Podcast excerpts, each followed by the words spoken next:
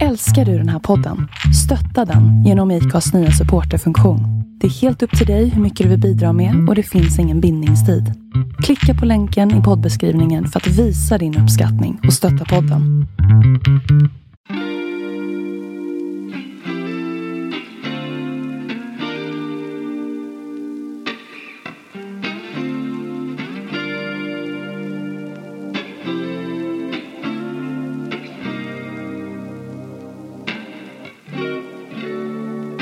Välkomna återigen till ett nytt avsnitt av Svengelska. Ja, en podd här från Brooklyn, New York med mig, Emon och dig Love. Yes! Känns jättekul, det är fint väder och ja, det kan inte bli bättre Det är varmt. Och vi har framför allt en fantastisk gäst med oss här idag. Jättekul. Vi har eh, Emily Kihlström. Och eh, visste inte riktigt hur vi skulle gå tillväga men eh, frågade familj, vänner, bekanta, grannar, ja, you name it.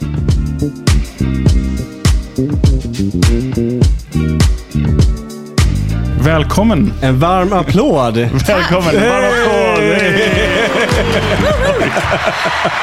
Tack för intron. Ja, välkommen Emily. Kul att du är här. Kan du inte berätta lite kort för våra lyssnare, vem är du?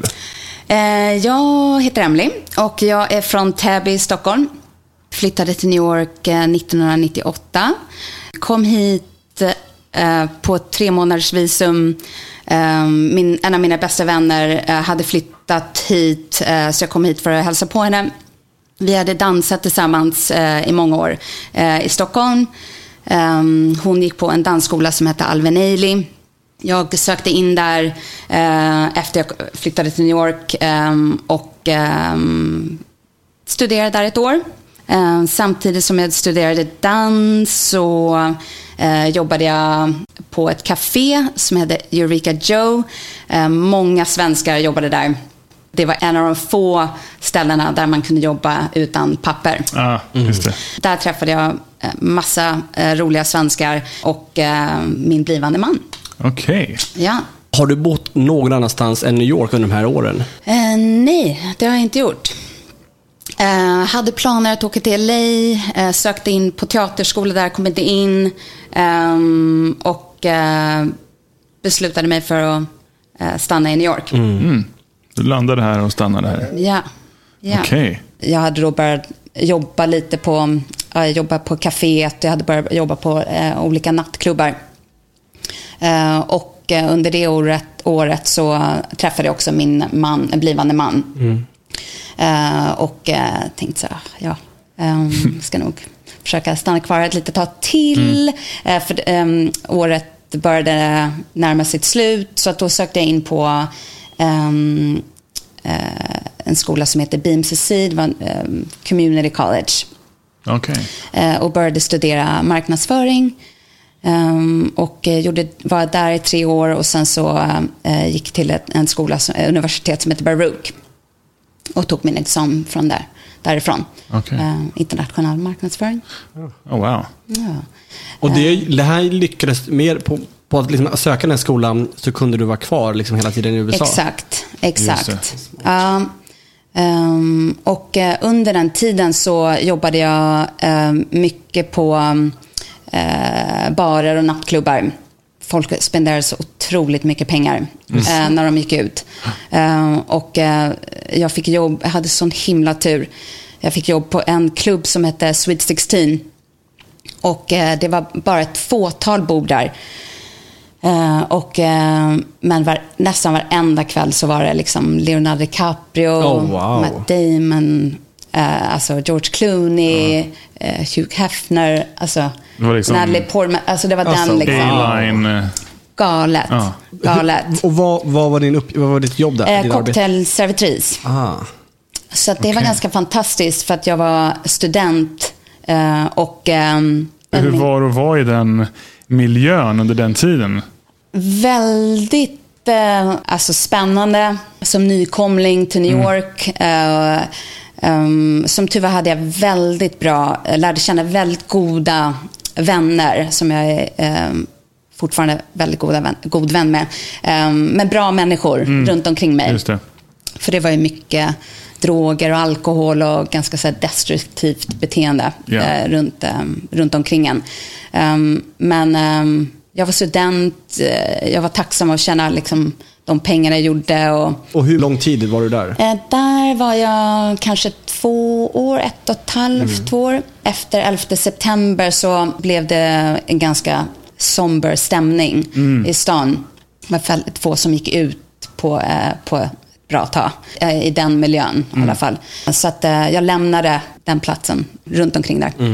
Och ehm, fick ett jobb eh, på en restaurang som låg i mitt område där jag bodde i Soho som hette Public. Och, ehm, och jag var nervös för att det var ett riktigt servitrisjobb. För jag hade bara jobbet som cocktailservitris. Jag trodde inte jag skulle liksom kap- hade, hade kap, eh, kapacitet eh, att jobba på en eh, seriös restaurang. Men jag fick jobbet eh, och eh, var där från första stund, eh, från första dagen de- de öppnade dörren. Och det var där jag träffade min, mina nuvarande business partners. Okej. Så där jobbade jag i många år och lärde mig jätte, jättemycket. Um, från killarna som drev um, den restaurangen. Och uh, tacksam för mina business partners som jag träffade där. Och vad, vad gjorde du? Du var ju servitris där då. Eh, Ja. Och vad gjorde dina partners? Um, min uh, business partner Tamer, han um, uh, var general manager där. Och uh, min andra uh, business partner Elise var servitris ett tag, blev manager. Um, och uh, jag blev så småningom uh, manager uh, där också. Okej. Eh, och sen så, eh, fast det fanns bara en, en halvtidsposition där för mig så att så småningom, och jag hade varit där ett bra tag, eh, så då mm, eh, sökte jag jobb på en restaurang som heter Laiskina i Soho. Ja, just det. Så där, blev jag, så där var mitt första liksom, heltidsjobb som eh, manager. Ja, nice. Okej. Ja, galna tider där också. Eh, samma, Berätta. samma skrotegång. Nej, men det, var, det är en mexikansk re- restaurang i Soho.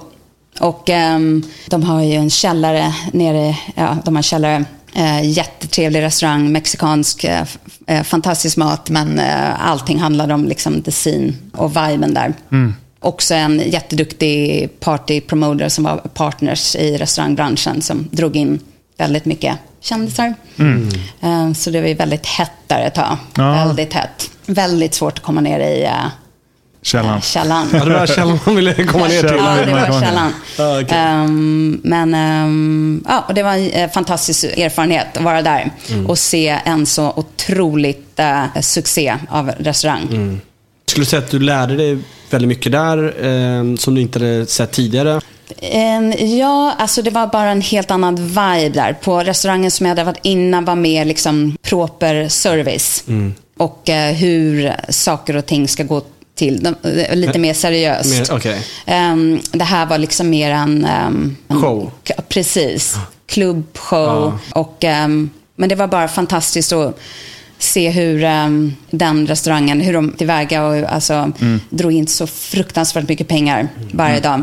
Och så busy. Jättespännande. Jobbade vi i dörren nästan varje skift och eh, stressen. eh, Väldigt in- intensivt ehm, med att hantera eh, väldigt eh, demanding clientele. Let me see you go back. Let me see you come forth. Now let me see you go back. Let me see you go back. Let me see you come. Uh, let me see you go back. Let me see you come. Yeah. Vem är det här? Åh, Alia. Åh, änglaröst. Ja, verkligen. Ja, ja, man vill bara hit the dance floor. Underbar låt. Eh, och un, underbar röst, underbar tjej, så tragiskt. Slut. Ja, jag var hjärtekrossad. Du har ju också eh, serverat Alia. Visst stämmer det? Ja, absolut. Ja, eh, alltså hon kom ju in på eh, klubben jag jobbade med, med en NBA-spelare och eh, hennes producent. Och jag var så starstruck. Eh, lyssnade så mycket på hennes musik runt den tiden. Och, eh, ja, änglaröst. Ja, Eh, man vill bara röra på sig. Ja. Och, men fick du någon möjlighet liksom, att prata med henne eller någonting? Nej, hon eh, kändes ganska liksom väldigt privat. Eh, hon var ung, alltså. Gud, så ung. Ah, shit, hon måste ju varit... eh, Eh, alltså jag vet inte, hon, var- hon, är mycket, hon var mycket yngre än mig. Och eh, så lyssnade, för jag lyssnade faktiskt på hennes musik tidigare idag. Men ja, gud, älskade henne. Tragiskt slut. Men det var liksom den nivån på folk som kom till Ja, Ice-Kina. verkligen. På den tiden. Ja, Ah, nej, det här- precis. det Det här- var Sweet 16. Ja, det var Sweet 16. Precis. Ja, men gud. Ja, uh, Laiskina, herregud. Madonna, David Beckham, alltså Mm. All- alla, Wow. you name it.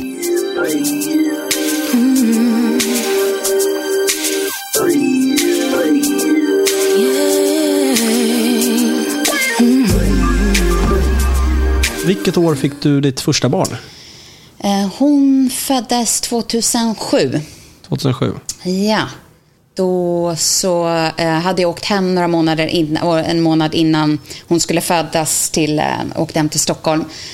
Eh, för jag tänkte passa på, eftersom jag skulle ta ledigt, eh, så ville jag vara med min familj. Så jag åkte hem, födde henne i november eh, 2007, stannade hemma till januari. Kom tillbaka och hade då bott i Soho i ehm, ungefär sju år. Och, efter att jag hade kommit tillbaka från Stockholm till Soho, vi hade en stor hund, nyfött barn, kändes helt fel miljö. Mm. Och eh, jag, behövde, liksom, jag kände ingen lugn, jag kände mig stressad, jag behövde lite mer yta och lite mer eh, natur. För, för Ny- just New York City är väldigt compact living. Verkligen. Så, eh, jag liksom hade sån liten lägenhet och ja, eh, fantastiskt läge men det liksom kändes som eh, behövde ett nytt, starta ett nytt kapitel. Ehm, så då hade jag börjat kolla runt lite i Brooklyn. Vi hittade en gullig liten lägenhet i ett område som heter Brooklyn Heights. Och, ehm, ja, flyttade in dit när hon var några månader. Och eh, området är supervackert och grönt och fantastiskt och jättenära stan men hade inga restauranger eller kaféer eller så dåligt urval. En av de stora anledningarna till att jag älskar New York så mycket är att det finns ett sånt fantastiskt urval av vad du än vill från vilket land som helst. Ja, var jag där och ja, kändes eh, så ledsamt och eh, jag hade då börjat tänka lite på att kanske eh, göra någonting på egen hand. Och då sprang jag på min gamla eh, kollega som jag hade träffat eh, några år innan eh, på Public. Okej. Och innan vi går in på det, Ja. om vi pratar om var du är någonstans idag. Kan du berätta lite om hur det är att uppfostra barn i USA? Jämfört med vad du kanske tror också med Sverige. Det kändes lite skrämmande måste jag säga. Speciellt um, Sverige har så fantastiska resurser och ehm, det är sånt supportsystem som inte riktigt finns i New York eller USA. Det var väldigt tufft för jag hade lämnat mitt jobb och det är inte så att man får mammaledig. Så um, jag var hemma med henne, med min dotter Bo, eftersom jag då tjänade mindre pengar eh, där min man Så det innebär alltså att under den här perioden, då måste ni bestämma sig, okej, men jag tjänar mindre, då blir jag den som stannar hemma. Precis. Och sen så också på grund av att eh, hjälp med att få ditt barn på dagis eller skaffa en barnvakt. Det är billigare att vara hemma med ditt Precis. barn. Det är därför det faller tillbaka Ja. i karriären. Och man måste ju ta det beslutet då. Och eh, självklart vill jag vara hemma med mitt barn. Men efter eh, ungefär ett och ett halvt till två år, då bestämde jag mig för att gå tillbaka eh, deltid. Men det, det var inte liksom att jag fick någon extra slutet av veckan av det, utan det var bara för att liksom komma tillbaka in för eh, sanity och eh, ja, försöka just komma det. in på arbetsmarknaden igen. Vilket år är vi nu när du bestämmer dig för att nu vill jag öppna upp något eget? Ja, vad blir det nu? 11. Och då, som sagt, eh, ja, efter jag hade flyttat till eh, Brooklyn så började jag löst eh, leta lite efter en eh, lokal. Och eh, idén först var bara att eh, göra något väldigt, eh, mycket mindre koncept. Eh, lite café eller jag gick en baristakurs och hade tänkt att göra lite, något lite mer liksom lättsamt. Då så sprang, eh, såg vi den här lokalen på Atlantic Avenue som var så vacker, högt i tak, hade stått tomt i sex år. Atlantic Avenue var inte så här jätte så här, attractive eh, som gata och det var liksom en, just då var det en eh, bensinstation precis på andra sidan vägen och folk tänkte att det skulle vara, vara så charmigt kanske. Men eh, ja, så vi eh, blev så kära i den här lokalen, den var så fantastisk. Men vi var nervösa för det fa- fanns verkligen väldigt få, som jag nämnde tidigare, utvalet var väldigt eh, slim. Så, mm, och tänkte så här, är det liksom en, en anledning? Allting hände i Williamsburg, Williamsburg, Williamsburg. Eh, och vi hade tankar på det först, för liksom känns som det var där man skulle vara för att det skulle bli succé.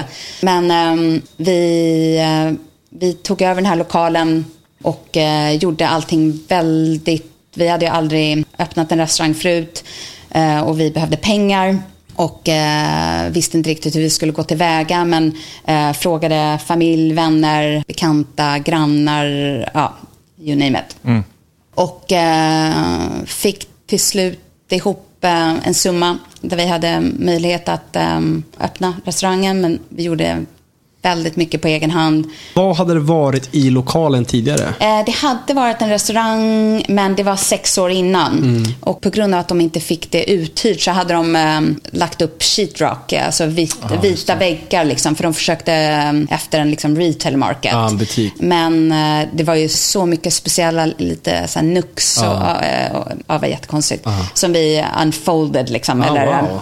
Vi också hade hjälp av Kickstarter. Jag vet inte, kommer Mm. ihåg? Vet ni Kickstarter? Det, det finns kvar. Ja, eh, så vi var den första restaurangen som eh, var på Kickstarter. wow. Och, eh, så då, det kom ut, jag läste en artikel i New York Times om Kickstarter och tänkte att det skulle vara lite roligt verktyg att använda sig av. Så vi satte upp en lapp på um, dörren och eh, sa att eh, ja, kolla ni, restaurang kommer snart. In the meantime, find us on Kickstarter.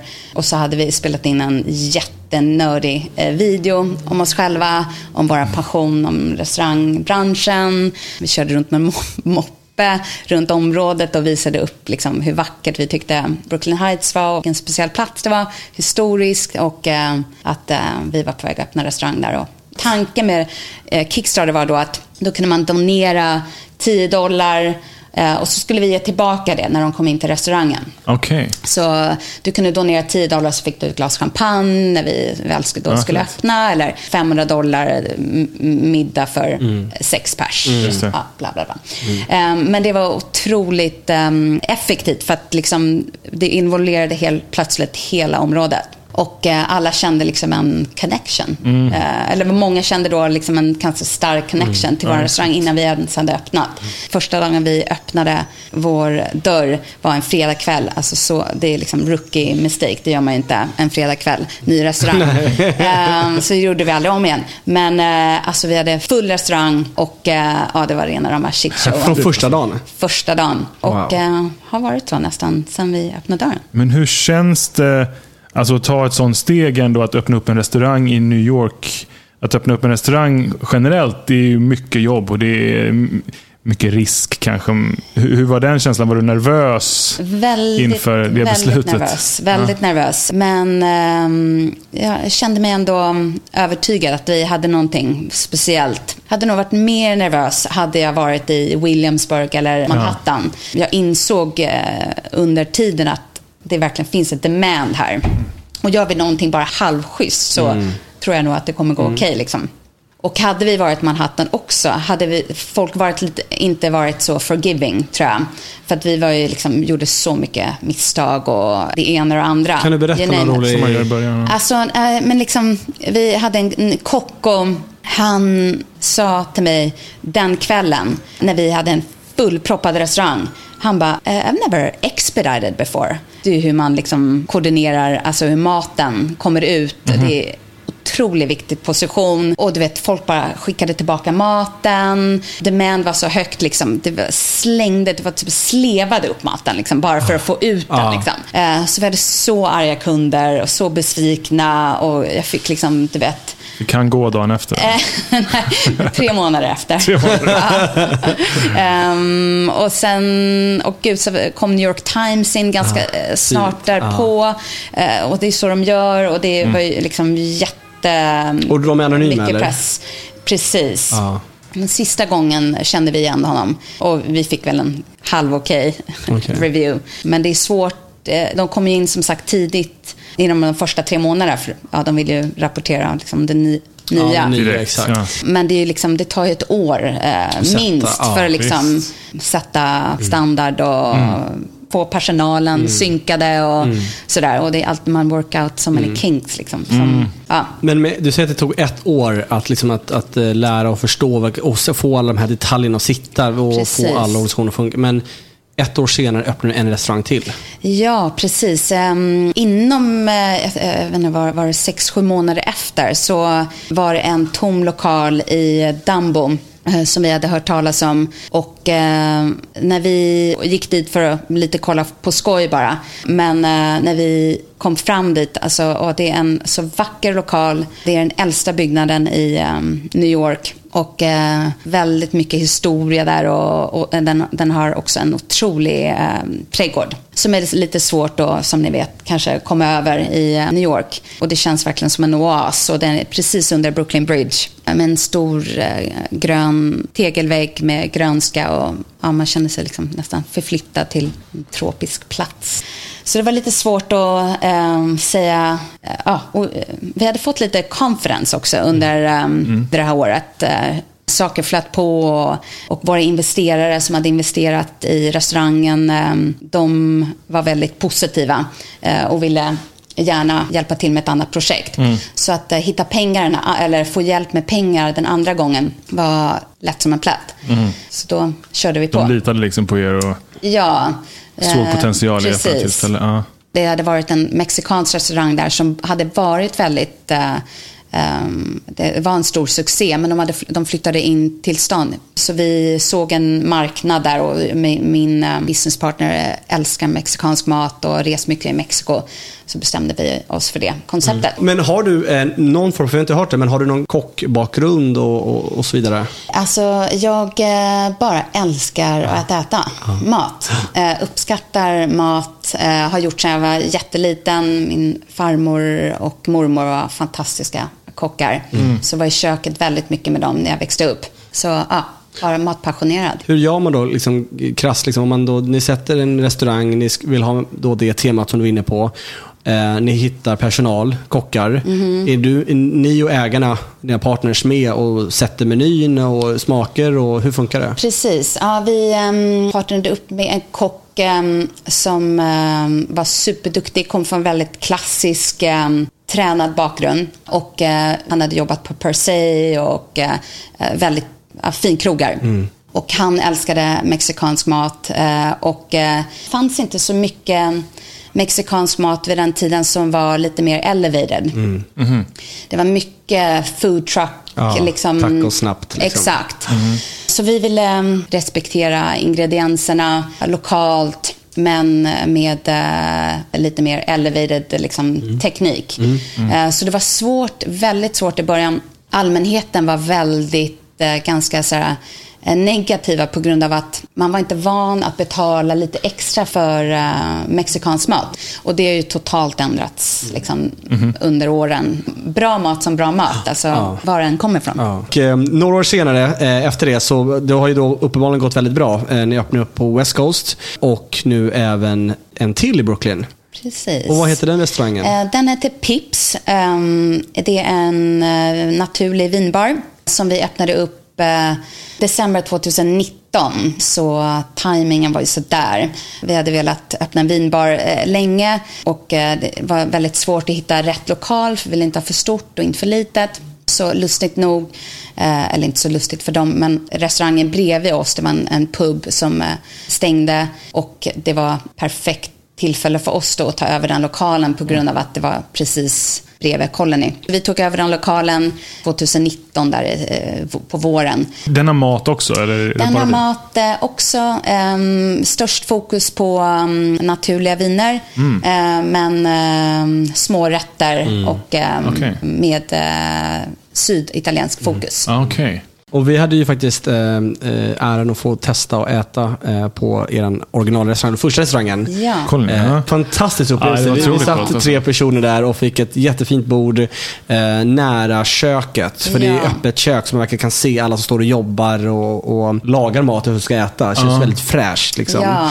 Och det var ju helt otroligt. Alltså varenda rätt fick oss att typ nästan vilja gråta lite grann. Ja, det var extremt bra. Och det var, man, kunde, man märkte hur genomtänkt hela Ja. restaurangen är. Allt liksom från maten, men även inredning och små detaljer. Och, Personalen. personalen och, och napkins. Och, eh, Allting var kändes- liksom väldigt Ja.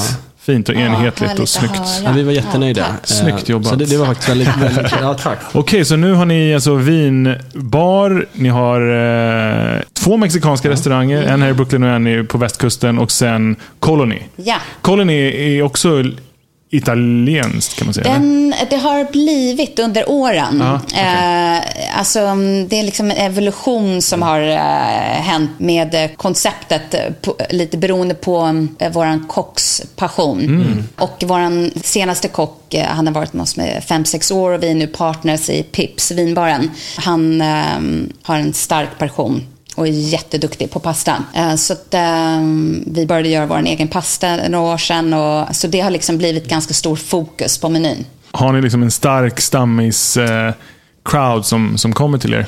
Ja, absolut. Alltså, mm, eh, eftersom vi har varit där över tio år så mm, har vi liksom en, strong following. Så att, och folk i början speciellt försökte beställa hem så mycket mat som möjligt. Eh, och folk var så himla generösa med dricks till personalen. och, Vad innebär det för din verksamhet när att hela New York är mer eller mindre tillbaka till Alla normalt? restriktioner är lyfta. Ja. Ja, alltså för det första tror jag bara liksom känslan för folk. Alltså vi är nära, eller vi är liksom över det värsta. Eh, Så jag tror folk, alltså man känner, för det var sånt, var sånt stressmoment eh, när det var mörka dagar, liksom verkligen den här mörka tiden. eh, När det såg så dystert ut. Liksom. Det var liksom en stress, en ångest man känner i personalen, på gästerna. Eh, Folk höll distans. Det var liksom successivt nu känns som att folk började liksom börja kunna njuta och ha trevligt och catch up och försöka ta igen liksom förlorad tid. Eh, Så att eh, jag tror också bara känslan av att folk, liksom, att, att det är svart på vitt lite. Att okej, nu, nu jävlar. Ja. Mm. Jag var ute och käkade igår också uppe i Up- Uptown och satt i baren och åt och så var det liksom ganska högljutt. Och, och liksom, jag pratade lite med bartendern Vi var liksom tillbaka till det där när man måste höja rösten till varandra för att kunna göra sig hörd när man är inne på en restaurang med mycket folk. Bara så här, okej. Ja, oh, Och det kändes typ- det kändes härligt. Ja. Sån skön känsla. Sån känsla. med bar för, till exempel. För vi har ju inte blivit tillåtna Nej. att sätta gäster vid baren. Och det, är liksom, det ger sån energi till hela restaurangen. Så det har känt lite så här dystert tills väldigt nyligen.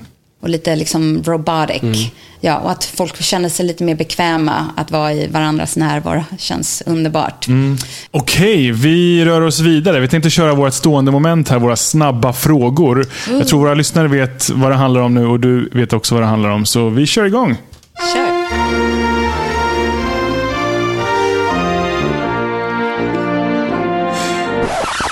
New York Times eller Dagens Nyheter? New York Times. Svenska eller amerikanska pannkakor? Svenska. Alia eller Snow Allegra? Lia. Svensk sommar eller en amerikansk sommar? Svensk sommar. Volvo eller Ford? Volvo. Lakrits eller M&M? M&M. Johnsons eller Mac and Cheese? Johns oh, Johnsons. Johnsons såklart. Just det. Jag körde kortvarianten. Aberration. eh, restaurang Aquavit här i New York eller Eleven Madison? Ja, akvavit. Här kommer min favorit. Ja. Täby eller Brooklyn? Oh, jobbigt. Och kommer göra många arga. Brooklyn. Brooklyn! Snyggt!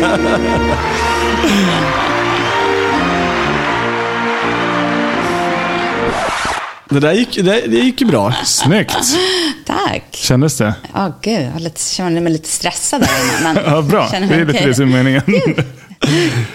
Ja, fantastiskt. Nej, men det gick jättebra. Kul. Det är, bra. det är alltid en bra grej att få upp lite energi och få lite så här, Verkligen. verkligen få våra lyssnare att förstå. Eh, så här, vem är Nu känner de dig. Nu, exakt. Nej, men jag tror att det var där vid pannkakorna, där Ja. man förstod.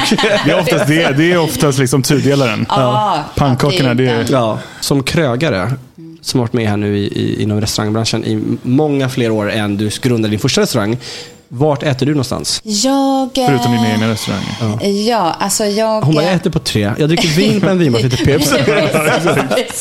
Och så Ja. älskar jag mexikanburgare. Exakt. Ehm, nej, jag, ehm, jag lagar väldigt mycket mat hemma själv. Men eh, alltså, när jag går ut, alltså, alltid, en gång om året går jag alltid till Akvavit. Um, vanligtvis runt jul. Ehm, och sen så, um, du vet, Eater, eh, kollar alltid vad det senaste är och försöker liksom hänga med i svängarna. Så att Eater har alltid liksom det senaste i restaurangbranschen. Eater, är det någon Ehm, sajt? en, liksom, en blogg, liksom, blogg. en matblogg. Ja. Eh, Jag tror de har i Sverige nu faktiskt också. okej. Ehm, men där får man alltid liksom veta det senaste inom mat och... Jag tror de gjorde en artikel precis med ehm, Fredrik på Aska på tror Okej. En liten mini-video. eh, Okej, kort. ja, eh, okej. Jätteintressant Okej, faktiskt. det måste Ja. jag kolla upp. Ehm, Så där försöker jag alltid, liksom, så att jag hänger med i svängarna och ser vad som händer. Men Uncle Boons, eh, jag vet inte, Uncle Boons är en av mina bästa vänner som jag träffade på Sweet 16. Ehm, Hon är fantastisk kock och ehm, det är en av, tyvärr stängde de ner under pandemin, men det är de bästa Ah, thai okej. För alltid? Ja, Ah, men de har öppnat upp thai. Ja, gud, har, thai Diner är deras nya. Okej. Eh, otrolig thaimat. Var ligger det? Fantastisk. Eh, på Mat Street och Kenmare, tror jag. Som erfaren krögare här i New York, om du skulle rekommendera tre restauranger till våra lyssnare, vilka skulle det vara? Och ge gärna ett trevligt smultronställe som bara kanske du känner till. Ja, då skulle jag väl börja med kanske eh, Vinegar Hill House. Eh, som ligger, ehm, vad blir det? Det blir norr om Dumbo i Brooklyn.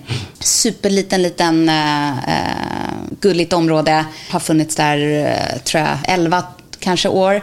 Ehm, jag fick mycket inspiration där eh, till Colony. Fantastiskt, bara vällagad, enkel men så fantastisk mat. Superspeciellt på en liten eh, kullerstensgata, eh, lite off sådär. Eh, men maten är otrolig. Eh, och sen så måste jag då eh, Thai Diner i eh, Little Italy. En av de bästa thai restaurangerna i stan. Otrolig, otrolig vällagad mat. Och ehm, de båda kockarna kommer från Per Se, vilket är en av de bästa restaurangerna i eh, New York. De har väldigt eh, stark bakgrund eh, och hon är thai och ja, den sjukt bra mat. Okej, det måste man prova. Ja, och eh, sen så, eh, det här är ju en klassiker. De har ju funnits och det är ju absolut inget multronställe. Och, men Baltasar alltså, har gått till sen jag, var, ja, sen jag flyttade hit. Och det känns eh, som ett speciellt ställe eh, för att eh, miljön är så välgjord. Det är sånt kul people watching. Kanske inte direkt gå dit för maten, men bara liksom känslan där. Alltså, han är verkligen, eh, han har, allting faller verkligen på plats där måste jag säga. Bara baren är va- så vacker och eh, maten är god nog. Men liksom kombinationen med att liksom, people watching och buzzing scene är kul. Det är Soho, va? Eller? Precis, exakt. Så att, eh, det är topp tre. Ja, tack. Ja. Toppen eh, förslag. Alltså, jag Ja. måste testa alla. Jag har varit på Baltasar, men Ja. inte på de andra två. Nej. Det låter väldigt, väldigt bra. Hur är framtidsplanerna? Fler restauranger, fler städer? Ja, alltså just nu eh, handlar det bara liksom eh, stabilisera och liksom komma på, komma på fötter igen. Och vi är på god väg, så det är jätte, jätteskönt. Um, känner inte riktigt att ehm, jag har så här ett jättesug just nu. eh, speciellt efter det här året, att eh, dra mig in i någonting just nu. Men eh, f- förhoppningsvis så småningom. Men då ska, kommer det vara lite annorlunda koncept. Inte direkt restaurangkoncept, utan jag har lite sådär um, bondgårds hälsocenter Mm, okej. um, koncept eh, är det. Okej, någonting Ja. som är lite annorlunda än Precis. just restaurang. Ja, har Branschen, eh, ja. restaurang men eh, lite mer ehm, fokus på välmående. Och, ehm, sådär. Vad spännande. Ja. Gud, vad spännande. Verkligen. Ja, Det känns ju helt rätt i tiden. det gör det. Mm. Verkligen. Speciellt efter detta år. Finns det några lärdomar tio år senare under din tid som du har varit här? Några lärdomar som du har tagit med dig som du önskat att du känt till lite tidigare? Eh, ja, alltså just ehm, jag tror speciellt det här senaste året har lärt mig ehm, väldigt mycket med att ehm, vara lite mer effektiv eh, på hur sättet vi driver vår business jag tror det har varit, eh, som man säger, silver lining under pandemin. Har reducerat menyn väldigt mycket, gjort den lite mer, ehm, eh, fortfarande väldigt ehm, stort urval som vi hade förut, med, både när det gäller vinlistan och eh, matmenyn. Vi har eliminerat, gjort lite mer, blivit lite mer fokuserade också så att det är bättre för vår inventory mindre kostnader, eh, också kräver färre eh, händer i köket, kan man säga det. Mm. Cooks in the kitchen. Det var liksom, och speciellt hur vi drev service. Var all, det var, vi hade en backwaiter, runner, um, barback, two bartenders, väldigt stor servis.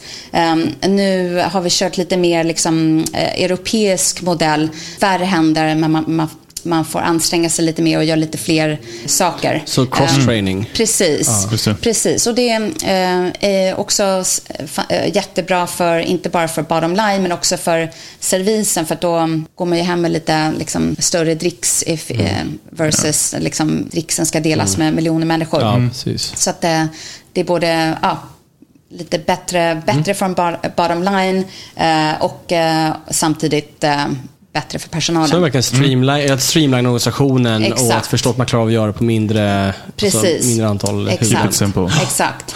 Ja, mm. coolt. Snyggt. Ja. Bra lärdom. Mm. Ja, absolut. absolut.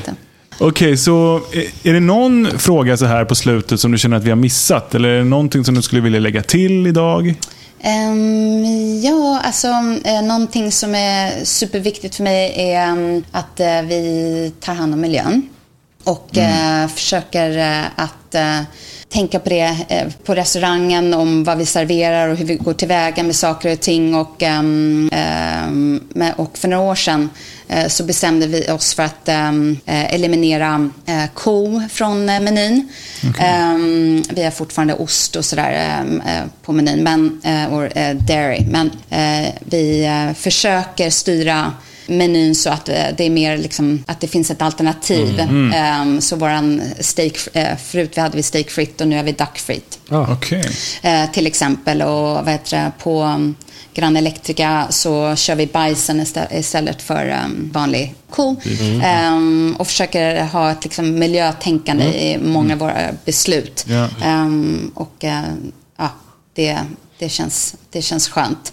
Uh, så mycket mer att göra men Får jag ställa en fråga då? Att ja. är, det en frå är det att ni utbildar gästen eller blir man också utbildad av gästen? Uh, ja, bra fråga. Um, det är ofta lite risker man måste ta med sådana där beslut. Och eh, vi var lite oroliga faktiskt med hur folk skulle reagera. För vi hade en jättepopulär hamburgare till exempel. Uh, som mm. folk älskade, som vi serverade på brunch. Um, men det blev så småningom en Bisonburger och sen, uh, nu har vi tagit av det. Men det är också en fine line för att folk gillar inte riktigt att bli liksom uppläxade. Mm, sådär. Ja, liksom, varför har ni inte det kvar och mm. sådär. Och så att man måste liksom tread lightly mm. när det gäller och, ja, hur man liksom kommunicerar det till mm. gästen. Mm. Liksom. Uh, och det är samma sak, jag tror vi var en av de första restaurangerna i, i um, New York som uh, slutade med sugrör. Och, det. Uh, och det var också så här, herregud, hur kommer folk reagera? Liksom. Det var verkligen så. I eh, början var väldigt, ganska stark reaktion från en del människor. Okay. Och, och, um, och, det var också så här, samma, hur, liksom, hur kommunicerar vi det utan att låta liksom, condescending. Mm. Men nu är det ju så vanligt så att mm. folk är, liksom, gästerna, alla har ju mm. vant sig och eh, uppskattar mm. eh, syftet. Men ja, eh, man får ju ta lite risker och få, hoppas att mm. liksom, folk förstår alltså, big känns, picture. Liksom. Ja. ja, men precis. Det, det, känns ju också som att New York är typ den, det stället där folk är ganska öppensinniga och liksom forward thinking. Verkligen, precis. Man, man, har liksom, man har råd att experimentera ja, lite. Ja, verkligen. Um, hälsa och eh, motion, rörelse, träning är viktigt för dig. Ja. Och jag gissar att det jag menar, att orka driva tre verksamheter inom den branschen, sena kvällar och barn och familj och sköta också. Ja. Eh, och ta hand om. Så hur, hur, vad, hur påverkar, vad är träning? Hur viktigt är det för dig? Ja, eh, så mm, mest viktigt eh, för liksom min mentala hälsa. Mm. Att um, få paus och liksom fokus på sig själv är så, så viktigt. Jag började träna för maraton många år sedan. Liksom, jag gick igenom en väldigt stressig period i mitt liv. Och det var liksom sån, eh, sån befrielse att kunna ta sin tid och vara ute i naturen och liksom vara sig själv med sina egna tankar. Eh, så att, eh, ja, det är jätteviktigt. Det är så jag måste starta min dag för, att, liksom, för att få det rätt. Nej, är, det framförallt löpning? Eh, mycket löpning var det för eh, år sedan, men sen så mm, kände jag att det började slita lite på kroppen. Eh, så att nu kör jag lite mer styrka, kör mycket TRX, ehm, och, styrketräning och eh, ja. Och förutom att det är en dinosaurie, vad är det mer? T-Rex? Ja. ja, alltså det är liksom ehm, resistance band. Eh, som, Ja, de här ehm, banden man ser. Precis. eh, och eh, sjukt bra. Man kan hänga upp i träd och sådär, eller hur? Nej. Precis. ja, det kan man ja, men det är så Lätt fel. Ja, man fantastiskt. kan, ja, det var inte skämt. Nej, det är här. exakt. Man kan hänga i träd. Man, man hänger Ja, från träd, hänga- dörrkarmar ja, så det är här. det Du kan ta så med det överallt. otroligt. Ja, men det är som ditt eget lilla gym. Liksom, som är, för det, det var det jag älskade med, trä- med springning så mycket. För att, att det är liksom, du kan ta med dig dina skor Ja. och köra. Det är samma med TRX. Um, vart jag än går, liksom, åker iväg och bor på ett hotell eller whatever. Man kan liksom sätta dig i dörren eller hooka upp det till någon liksom, ja, eh, staircase eller vad som helst. Eh, och eh, det är jättebra eh, styrka. Superviktigt och ja, mentalt och ja, eh, bra. Det känns... eh, Jag, jag har märkt det nu. Alltså, under hela 2020 så var jag typ... Satte inte min fot på gymmet. Nej. Nu har jag börjat, typ två månader tillbaka, så har jag börjat vara regelbunden. Nu har jag kommit tillbaka till den där känslan när jag, att jag måste ha det. Ja. Alltså det har blivit liksom... En liten jag drog, måste, liksom. Ja, jag vill verkligen gå och träna. För Ja. jag känner att jag mår så mycket bättre. Alltså, Ja. Det är Verkligen. stor skillnad. Verkligen. Ja, och det sätter liksom eh, själva dagen också. Liksom, Mm. Det påverkar en att äta bättre tycker jag om man har tränat på morgonen. gud, och, ja. Finns det någon person här i New York som talar svenska som du skulle vilja rekommendera oss att intervjua? Ja, den första som kommer till eh, tanke är mm, eh, min eh, goda vän Annette Simosi. Hon har varit en så viktig människa för mig här i New York. Ehm, hon, är- jag anser henne som min syster. Hon är skitduktig advokat. Bott här ungefär lika länge som, som mig.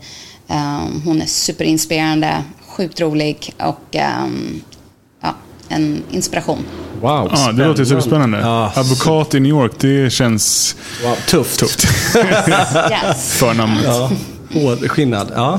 Har, har du något mer där? Så du, det kändes som du hade nå- kanske någon till? Ja. Jag har så många. Jag Ja. har så många Ja. så jag vet inte. Ja, men slut, rabbla någon till. på lite. Ja, Ja. eh, min kompis Irene, Inom- eh, hon jobbar inom IT. Ja. Eh, sjukt smart, ambitiös tjej. Eh, gick i högstadiet med henne. Hon var min första roommate i New York. Wow. Eh, och sen så Pia, en annan restauratör, eh, Agheim.